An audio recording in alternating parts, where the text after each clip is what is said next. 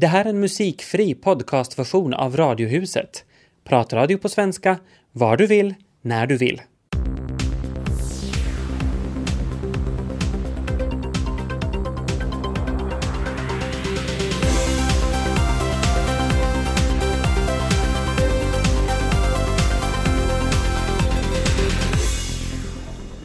Här börjar Radiohuset onsdag, ditt bästa eftermiddagssällskap i eten. Vi är med dig fram till fem. Det är jättekiva att ni är med oss idag och hoppeligen blir det inte en råddig sändning. Det ska handla om finlandismer strax. Mm, kivogare än så blir det just aldrig. Speciellt kiva är det nog inte idag för finländaren som gick bärsärkagång på Kastrup efter fyra liter öl.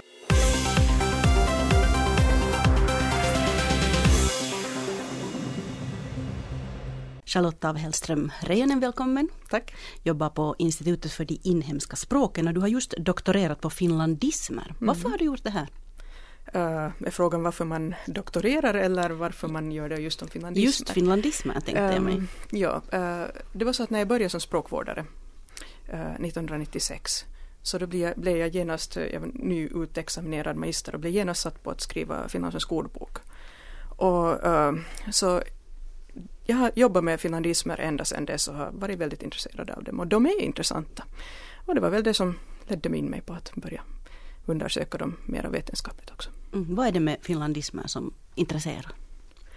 Um, ja, jag tycker ju att de uh, dels är intressanta för att de uh, uh, uttrycker vår identitet på, på ett trevligt sätt men också den här språkvårdens inställning till dem också både historiskt och nu intressant att titta på. Mm, och vad betyder det språkvårdens inställning?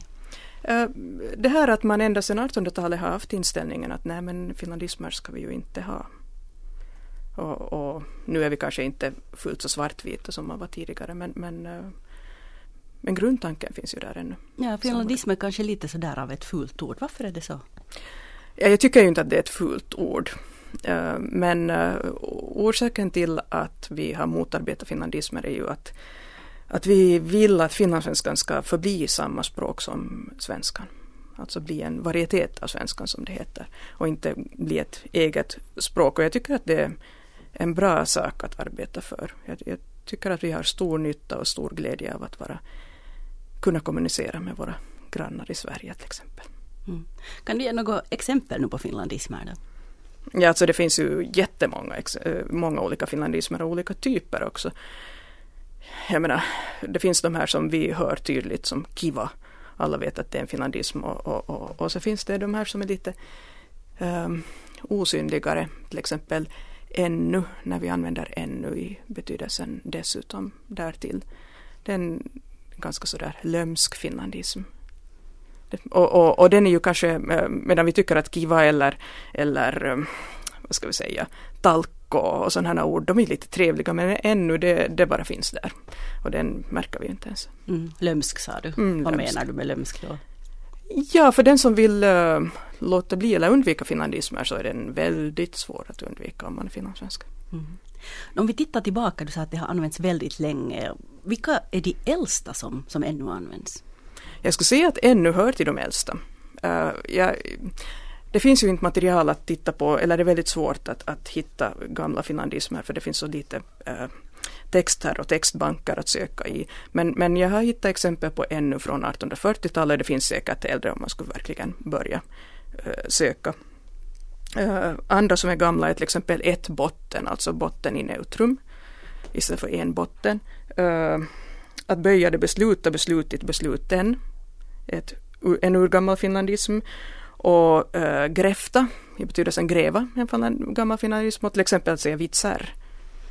Det är gammalt. No, om de här nu är så där gamla och på något vis etablerade, så varför försöker man då utrota dem? Vi försöker ju inte utrota dem sådär uh, vad ska vi säga, alltså, vi tycker ju om finlandismer på många plan men, men vi vill inte att de ska finnas i alla typer av texter.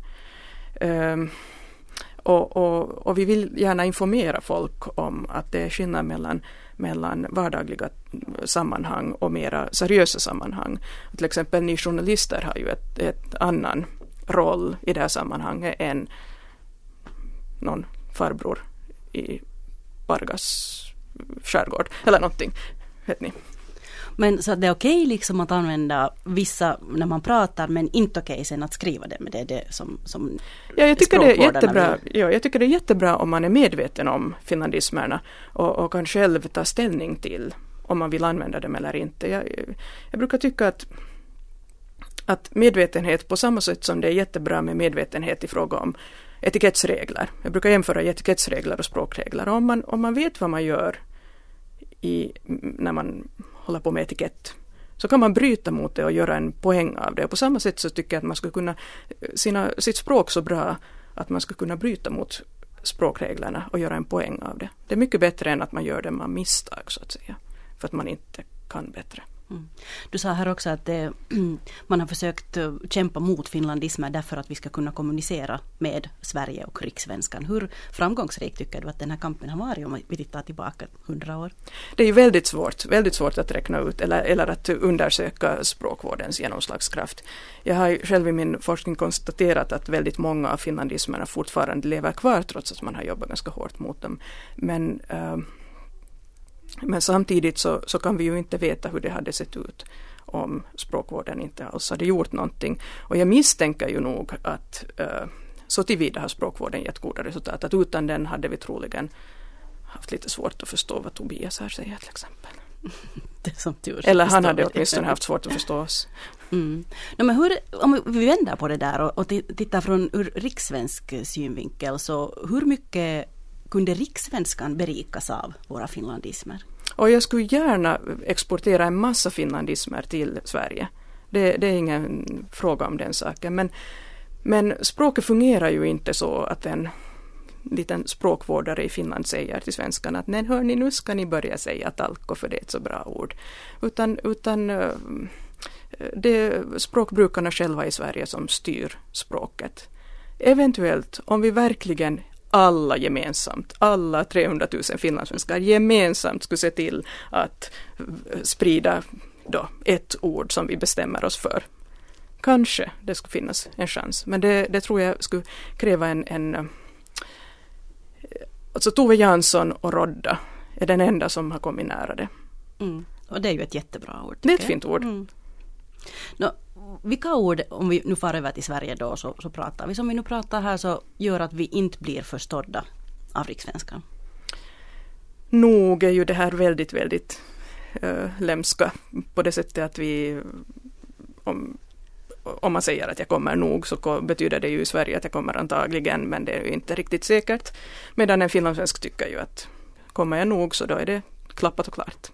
Och det kan ju upp, ge upphov till missförstånd. Eh, Det kan ju finnas andra missförstånd också som man kan få till exempel om man träffas i en aula.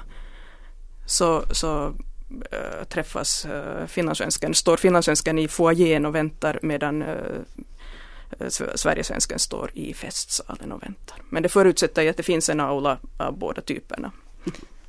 Annars Mm. frågar man väl, nej men var menar du? Mm. Vi kan göra oss förstådda med varandra Jag tror det. Men om du skulle få utrota en finlandism, en sån där som skorrar i ditt öra, vilken skulle det vara? Eh, Som språkvetare vill man ju kanske inte på det sättet gå ut mot någon enskild finlandism. Jag, men, men som privatperson så kan jag säga att jag inte är speciellt förtjust i, i uh, ordet söka.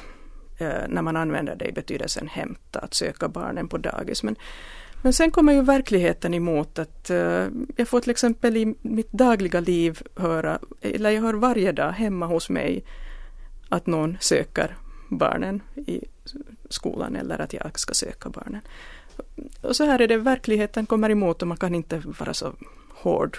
Man ska inte vara så hård mot sin omgivning heller. Mm. No, men din favoritfinlandism då? Jag tycker om jättemånga finlandismer. Jag tycker om uh, Tekkas. Uh, alltså, jag täcktes inte säga att han hade uh, persilja mellan tänderna. Jättebra, svårt att säga på svenska tycker jag på något annat sätt. Um, jag tycker om flankstöd. Att ha stöd från sidan. Jag tycker det är på något sätt trevlig klang i det ordet. Och det är en finlandism? Och det är en finlandism. Mm. Och sen kan jag ju, jag vet inte om jag tycker om men jag kan inte undvika att använda ännu på det här finlandssvenska sättet. Men det är skönt att höra att du är sådär tillåtande och och så. Det, där tycker jag att vi slutar. Charlotta och Hellström Reijonen, tack för att du kom. Tack. Det var nog trist att vakna idag har jag en känsla av för en viss finländsk man som eh, igår löpt amok på Kastrups flygplats i Köpenhamn. Eh, danska Extrabladet som var den tidningen där jag först såg den här storyn. Eh, de konstaterar att han eh, vaknade upp utan pengar, pass och käraste och nu känner sig rätt enkel idag. Med all rätt. Den här mannen har då suttit på en bar på flygplatsen och lär ska ha druckit 4,5 liter starköl på en dryg timme. Får man ens i sig så mycket? Ja, hur är det ens möjligt? Jag förstår inte. Och, och, och den här personalen som fortsatt att servera honom. Ja, Tänker man. jag menar om de vet att han har druckit så där mycket så hade de ju vetat också efter två liter att han har druckit två liter. Vad kan man tänka sig? Gissar att han började vara lite lös i konturerna redan efter två liter. Ja, I alla fall, han hamnade i bråk med sin fru, fästmö eller sitt kvinnliga sällskap åtminstone. Och, och de, det går alltså till handgemäng. De börjar puckla på varandra. Eh, varpå personalen försöker ingripa och stoppa honom. Det går inte. Polis tillkallas. Fyra poliser krävs för att brotta ner mannen. Ehm, och, och när de liksom får ner honom på marken och lyckas få någon slags ordning på honom så har han redan hunnit tugga sönder sitt bankkort så att han inte kan betala räkningen. Ja, också ett sätt att lösa en sån här situation. Men- inte man ju helt vid sina sinnesfulla bruk om man tuggar sönder ett bankkort. Jag har svårt att se det framför mig. Man bara trycker in och bara tugg tugg. Uh, indignerad, hans indignerade fru lämnade platsen. Tydligen med hans pass och boardingkort och Mm. åkte av allt att döma hem till Finland igen. Då- Där gjorde hon rätt. Mannen har inga dokument så han hade ännu på morgonen idag inte identifierats men lär väl sättas på första plan till Finland. Nu har dessutom alla finländska tidningar hakat på. Jag tänker att det måste kännas ganska pinsamt att komma hem efter en sån här resa. Alla ens nära och bekanta har ju lämpligtvis listat ut vem man är. Mm, mm. Kan jag tänka sig. Eller så bryr man sig kanske inte alls. Man kanske är så förhärdad som man tycker att det inte gör någonting. Ja, det måste ju finnas en historia av något mer i ba- bakgrunden. Det kan ju inte bara plötsligt bryta ut på det här sättet. Nej, men det har ju varit ett par fall nu så här med finländare som bär sig illa åt på internationell mark. Minns du den här, han som tving, han var så full ombord på planet så att planet var tvunget att nödlanda. Ja, Och s- var det på Irland eller? Jag tror att det var på Irland Ja. och så fick han hela räkningen för allt det där som den extra landningen hade kostat. Då kanske man håller sig lugn en tid. Ja, kanske. Men det här är ju, det här låter ju som en kul liten anekdot och det är ju så alla tidningar har tagit upp den idag. Det är ett, oj, oj, oj, finnen som drack sig så full och tuggade åt upp sitt bankkort. Men sen så såg jag en annan sak i nyhetsflödet idag som fick mig att tänka till lite. Det är Huvudstadsbladet som skriver om en kvinna som har fått rätt i tingsrätten. Hon kastade ut sin allt mer våldsamma man och kastade ut honom ur den gemensamma lägenheten och bytte lås och nu slår tingsrätten fast att det hade hon all rätt att göra eftersom hon inte kunde vara trygg på något annat sätt. Och då börjar jag fundera lite grann. När ska vi sluta se det här med våldsamma människor som dricker sig fulla, går lös på sin omgivning och, och blir hotfulla och faktiskt utgör fara för sig själv och andra människor. När ska vi sluta släpa ö- släta över och se dem bara som så här lustigkurrar som inte riktigt kan hålla sig till reglerna? Max Holm, du jobbar som informatör på Rädda Barnen och vi ska tala om barn och undernäring. Um, det känns som att man inte på den senaste tiden har talat så jättemycket om det här men det är fortsättningsvis ett stort problem. Kan du berätta mer om det? Ja, ska vi säga, det är ju ett världsomfattande problem det här med undernäring som har då mycket allvarliga följder. Att om vi då ser, att, ser på barnadödligheten så vart tredje dödsfall av barn under fem år gamla så har sin delvis en bakgrund i undernäring. Och på årsnivå så är det över är det då 2,6 miljoner barn vi talar om. Det har, ni har publicerat en ny rapport om det här. Kan du berätta lite om resultaten av den? Vi intervju, intervjuade familjer i fem olika länder och resultaten var ganska ska vi säga, dystra. Och av alla de som vi intervjuade för den här forskningen så hälften ungefär meddelar att de har mindre pengar för mat än tidigare. Och vi vet ju alla då att, att har en familj mindre pengar för mat och, och är familjen fattig så betyder det ju att de måste ju åtgärda problemet på något sätt. Och för fattiga familjer är ju det enklaste lösningen är ju att köpa mindre mat eller antingen då köpa sån mat som man har råd med och den maten är ju ofta då mycket ensidig och näringsfattig och det har direkta följder för barnets hälsa och fysiska och psykiska mentala utveckling. Och sen om man tittar på samhälle eller så här ett, ur ett större perspektiv, så vad leder den här undernäringen till i förlängningen? No, för fattiga familjer så är det ju re, rena rama katastrofen. Att ett undernärt barn blir oftare sjukt och om ett barn är sjukt så betyder det ju att man måste försöka få vård. Ur samhällets synvinkel så är det ju, betyder det att, att det blir en otrolig press på hälsovården, egentligen helt i onödan. Och föräldrarna har inte kanske möjligheter då att jobba tillräckligt mycket. Uh, barnen plockas ut från skolan, får en sämre utbildning, klarar sig sämre i livet framöver och sen på grund av den här undernäringens följder för den mentala utvecklingen så kan man då klart, klart se av all, i all statistik att barn som är undernärda helt krasst förtjänar mindre än barn som inte har varit undernärda. Mm.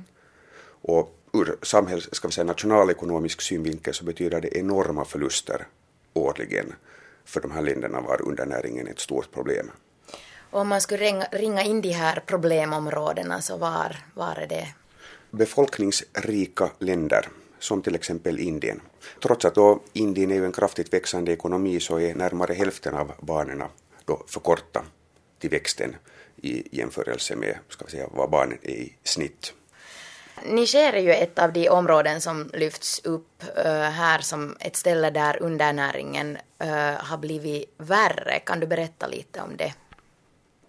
Jo, Niger är ju då, om man helt ser krasst på, på kall statistik, så är Niger ett av de värsta länderna för ett barn att födas i.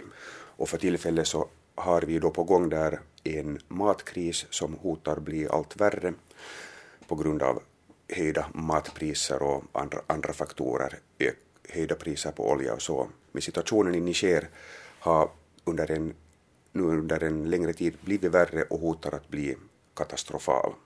Att för tillfället så har vi redan tre miljoner barn som då hotas av, av en allvarlig matkris.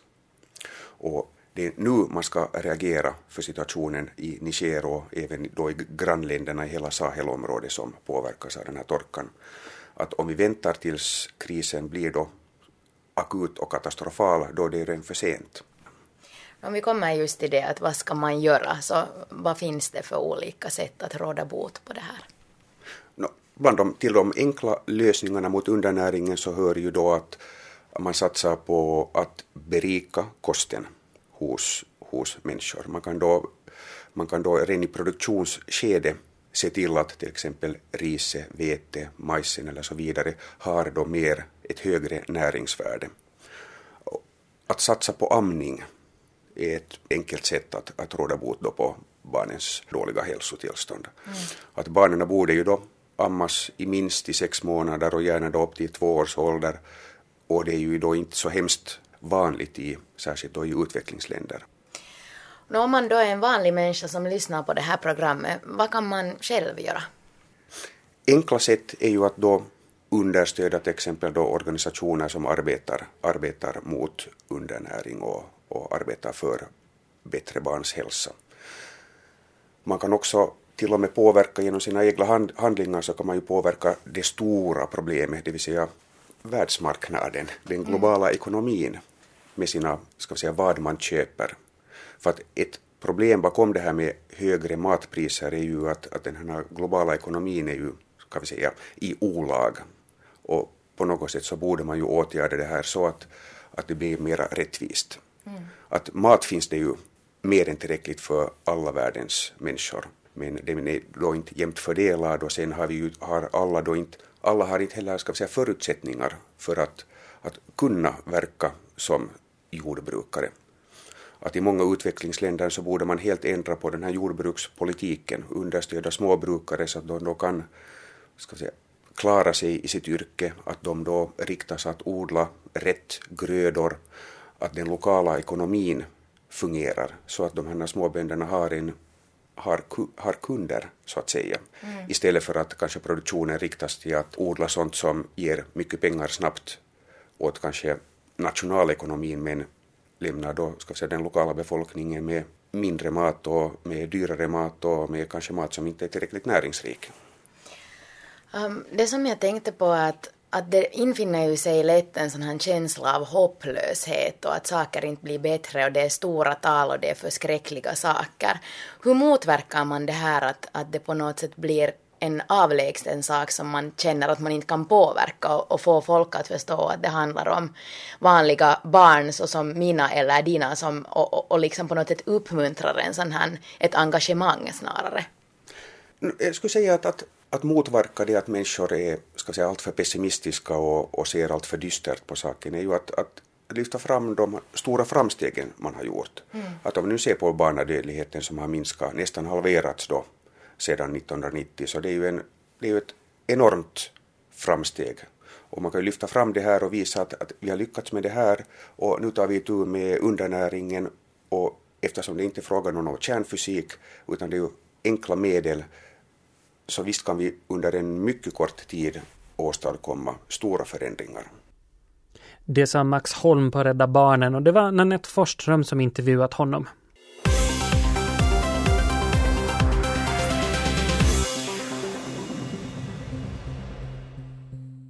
Häromdagen läste jag att man i Helsingör i Danmark inte får ha kaffepaus mer än en gång i veckan och då 15 minuter. Vad sägs om det? Revolution säger jag. Jag skulle på riktigt bli tokig.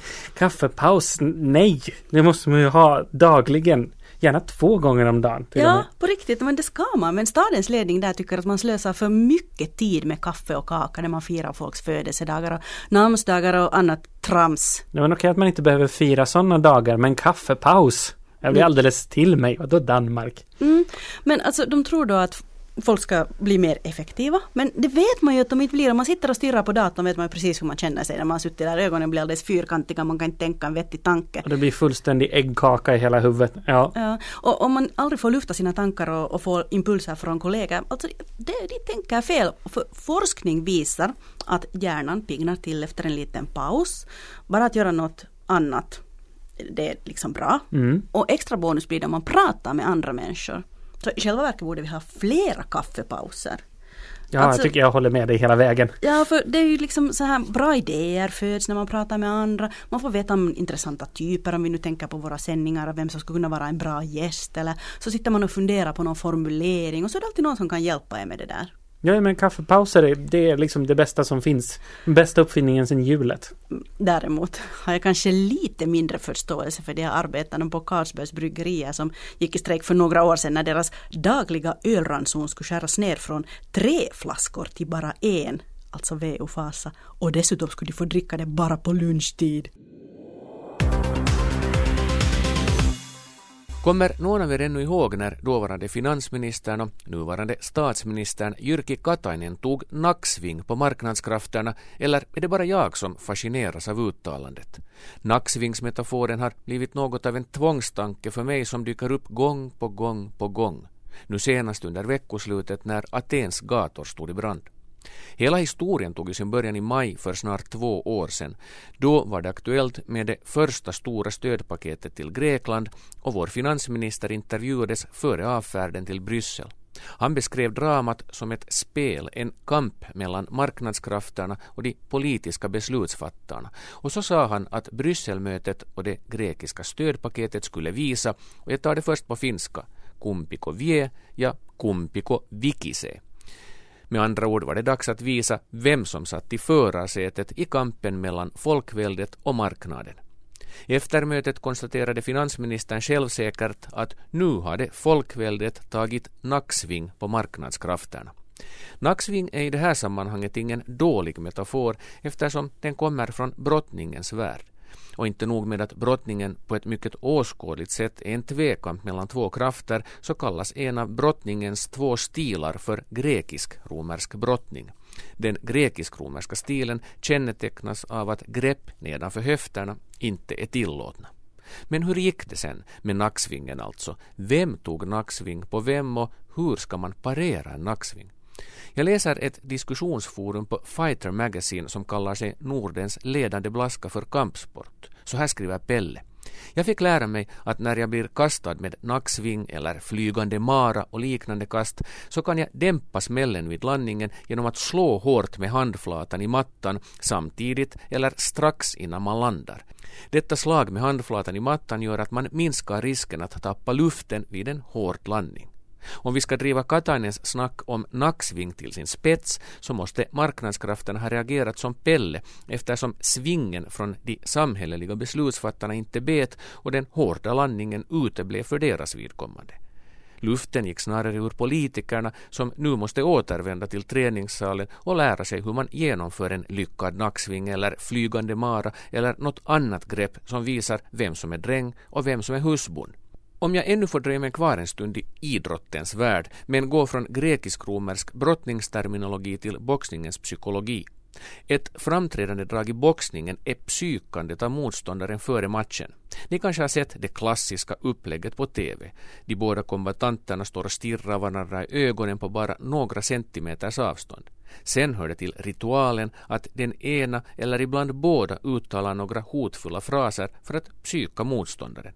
En del av dramaturgin går ut på att också den starkt nederlagstippade boxaren ofta häver ur sig de mest kaxiga hotelser om hur han ska knocka den andra på nolltid. En ritual med andra ord, något som hör till spelets regler. Ingenting som nödvändigtvis behöver tas med största allvar utan närmast ska betraktas som en krydda av många i anrättningen. Och det får mig att undra om Katainen, när det begav sig, blandade ihop de båda kampsporterna. Han tog till brottningsvokabulären fast han egentligen försökte psyka motståndaren inför en boxningsmatch. Och då kan man ju säga lite vad som helst för att rucka på motståndarens mentala balans, men i förlängningen handlar det närmast om att stärka sig själv. Att i värsta fall idka någon form av självbedrägeri för att våga gå upp i ringen mot en motståndare som är större och starkare. Men så kan det väl ändå inte vara. Jag menar, inte går våra folkvalda upp i ringen på de premisserna. Att likt en andra rangens boxare bara ha som mål att överleva. Att rädda sitt eget skinn för att därefter se motståndaren skrattande ta sig till banken. Mitt namn är Kjell Lindros och jag vill faktiskt tro att Katainen ett konsortes vet något om nacksving och flygande maror när det verkligen gäller. Alla tv-bolag har ju regler och förordningar för vad man får visa, eh, så säga, alltså värderingar helt enkelt så som man, som man ska föra fram. I Afghanistan så har informations och kulturdepartementet nu uppmanat landets samtliga tv-kanaler att iaktta nya regler. Och de innebär att bolagen inte ska visa kvinnor utan huvudduk eller kvinnor som har mycket smink. För, för det är inte bra. Kvinnliga nyhetsuppläsare ombeds dessutom lite vagt att respektera afghanska och muslimska värden. Det här rapporterar NRK idag. Jag blir så rädd för den här utvecklingen där. Jag vet inte var det ska sluta. Sen talibanstyret föll för tio år sedan har ett tjugotal tv-kanaler ploppat upp i landet. Före det så var tv förbjudet, liksom musik, liksom film. Och nu fruktar många afghaner att talibanerna är på väg tillbaka till makten igen. De, deras påtryckningar ligger helt tydligt bakom den här nya uppmaningen. Mm. Um, och kommer talibanerna tillbaka så är det nog färdigt för kvinnor i rutan igen. Det är nog slut med det. Precis som det är slut med kvinnor som studerar eller kvinnor som arbetar för den delen.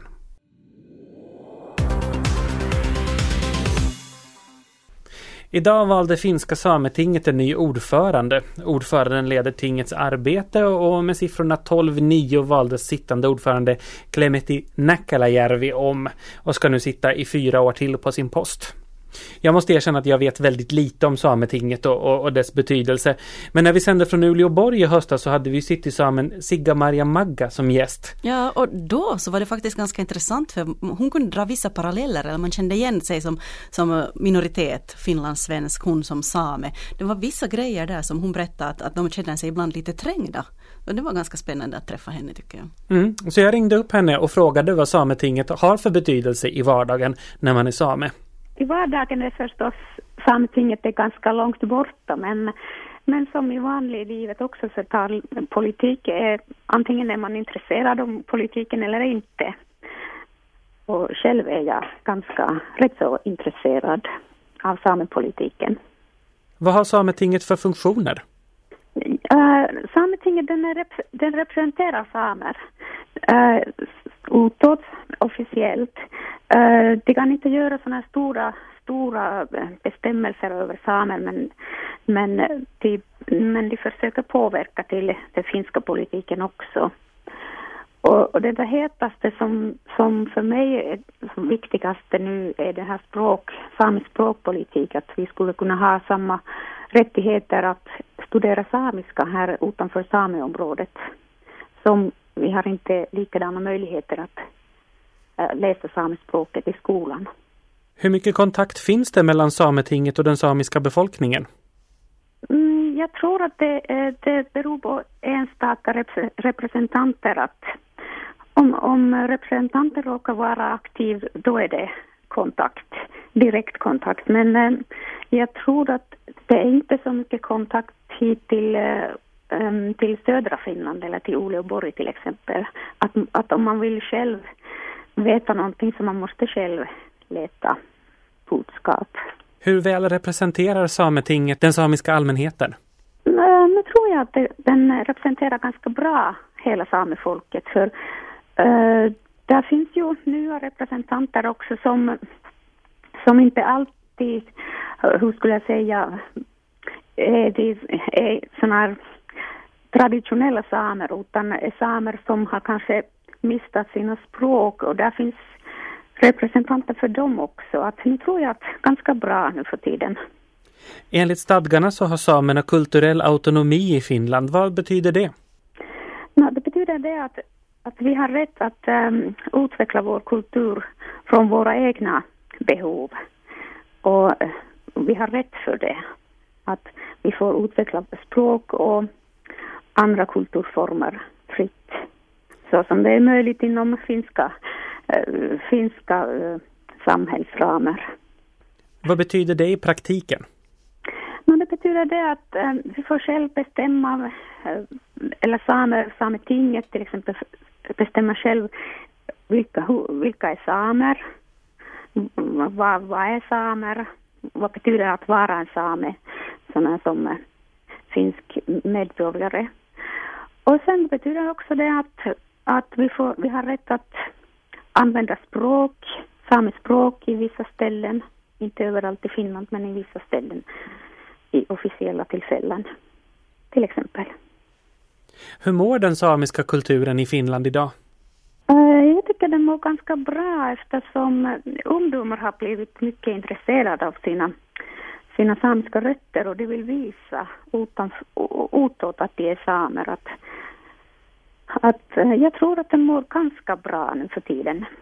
Slöjden mår bra och språken har blivit starkare och till exempel enare samiska som, som var nästan höll på att dö ut så den har blivit den har liksom mm, människor har aktiverats inom enare språken också.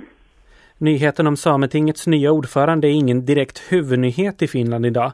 Vad kunde göras för att ge samer större uppmärksamhet i finländska media? Oh, det är svårt fråga. Det som sami, till exempel Sametinget har blivit känd för den att de, de bråkar hela tiden. Att jag tror att den positiva inställningen inom Sametinget skulle kunna vara bättre också. Att, att den här positiva nyheter skulle kunna komma ut mera än den gör nu för tiden. Vad skulle den samiska kulturen ha att erbjuda oss icke-samiska finländare? Lite bredare utsikt om, om finska kulturen för att om man vet om samer så, och deras om man har vetskap om samer och deras historia så har man mycket bredare äh, vetskap till, till exempel om Finlands historien också. Att jag tycker det borde vara mycket mera i skolor Eh, om samer. Så att ungdomar och barn och vuxna också skulle veta mer om Finland. Och det sa Sigga Maria Magga på telefon från Uleåborg. Nu när Tobias har fått finländskt medborgarskap så kommer jag att tänka på vad det egentligen betyder att vara finländare. Och då får man hjälp av den här webbtjänsten infobanki.fi som ger goda råd till utlänningar som flyttar till Finland. Och vad skönt att veta att man har någonting att falla tillbaka på. Så. Mm, nu ska du höra noga på för här kommer mm. några tips. Alltså den första punkten är då, det är viktigt att vara punktlig i Finland. Mm. Men det måste jag nog säga att det har jag massa vänner som aldrig har förstått och som jag själv är punktlig förstås alltid. Naturligtvis. Mm. Höj inte rösten. Mm. Bara när du är full, då är det kanske okej okay på något sätt. I radiostudior är det inte heller bra att höja rösten för då slår det på rött nämligen och det, det är inte bra, då låter det inte trevligt. Mm. Och så ska du komma ihåg att se din samtalspartner i ögonen. Och det där undrar jag också över för jag tycker nog att finländare inte tittar en rakt i ögonen, de tittar på alla möjliga andra ställen. Jag har fått lära mig att svenskar tittar inte rakt in i ögonen. Vi tittar ungefär varandra i pannan, nästan i ögonen men inte riktigt. Därför att man känner sig konfronterad om någon tittar rakt in. Så. Okej, okay. ganska konstigt tycker jag. Nåja, det här med att ta av dig skorna, att ta med särskilda inneskor när du besöker finländska hem, det kan jag hålla med om, det gör jag också. Och så glöm inte bort att tacka för maten när du stiger för, från bordet. Det ska man väl alltid göra. Det här tycker jag är lite konstigt. Jag tycker det är nog uppfostrad att göra det, ja. Mm. Mm. ja. Och så ska du inte bli förvånad om ingen sätter sig bredvid dig på bussen för finländaren vill gärna ha en privat sfär omkring sig. Det här är no news för en svensk kan jag ju säga. Vi är kanske lite Inte så dramatiskt där. annorlunda där. Ja. Det här med att bada bastu, gillar du det? Ja, mycket. Okej, okay. för att vara bastu med eller utan kläder har för finländarna ingenting att göra med sex. Bastun är en helig plats och det här är säkert en jätte, jätteviktig punkt. Men ja, absolut. Jag, jag antecknar för fullt här. Mm. Så pennan glöder. Men alltså jag måste erkänna att jag hör faktiskt till den en procent finländare som inte gillar bastu. Så det finns sådana också.